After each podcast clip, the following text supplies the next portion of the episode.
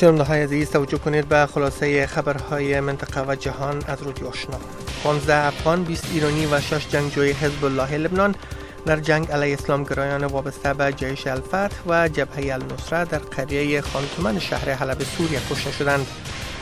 این بیشترین تلفات ایرانی ها در یک روز از زمان اعزام نظامیان آن کشور برای حمایت از حکومت بشار الاسد می باشد تا هنوز حکومت افغانستان در رابطه به تلفات شهروندان آن کشور چیز نگفته اما رسانه ها در گذشته گزارش دادند که افغان های مهاجر در ایران از سوی سپاه پاسداران برای جنگیدن در کنار نیروهای وفادار به بشار الاسد به سوریه فرستاده می شوند. دو سرباز ائتلاف بین‌المللی روز شنبه در حمله بر یک محتکه نیروهای امنیتی افغانستان در جنوب کشور کشته شدند.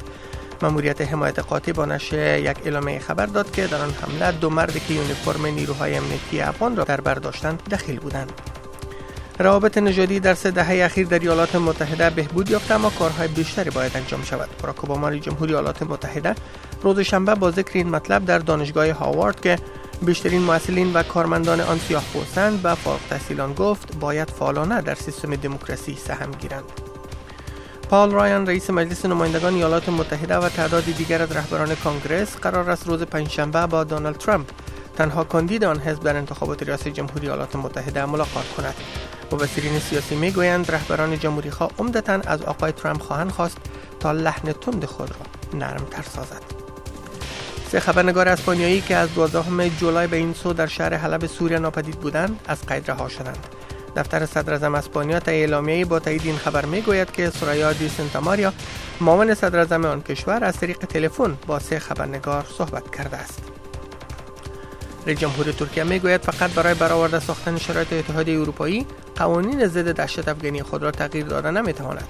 رجب طیب اردوغان روز شنبه با ذکر این مطلب گفت آنانی که از ترکیه این خواست را دارند باید نخست خودشان خیمه های دهشت افغانی را که در بیرون پارلمان اروپا برافراشته شده برچینند. هدف آقای اردوغان حکومت بلژیم بود که به تعداد از حامیان حزب کارگر کردستان در ماه مارچ اجازه داد در بیرون پارلمان اروپا در بروکسل مظاهرات را سازماندهی کنند. کره شمالی گفته است تا زمانی که حاکمیت ملی آن کشور تحت تهدید کشورهای مجهز با سلاح اتمی قرار نگیرد از سلاح هسته‌ای استفاده نمی کند رئیس جمهور آن کشور گفته است که به عنوان یک کشور مسئول مجهز با سلاح اتمی صادقانه به تعهدات خود در عرصه عدم گسترش و خل سلاح جهان تلاش می کند پایان اخبار.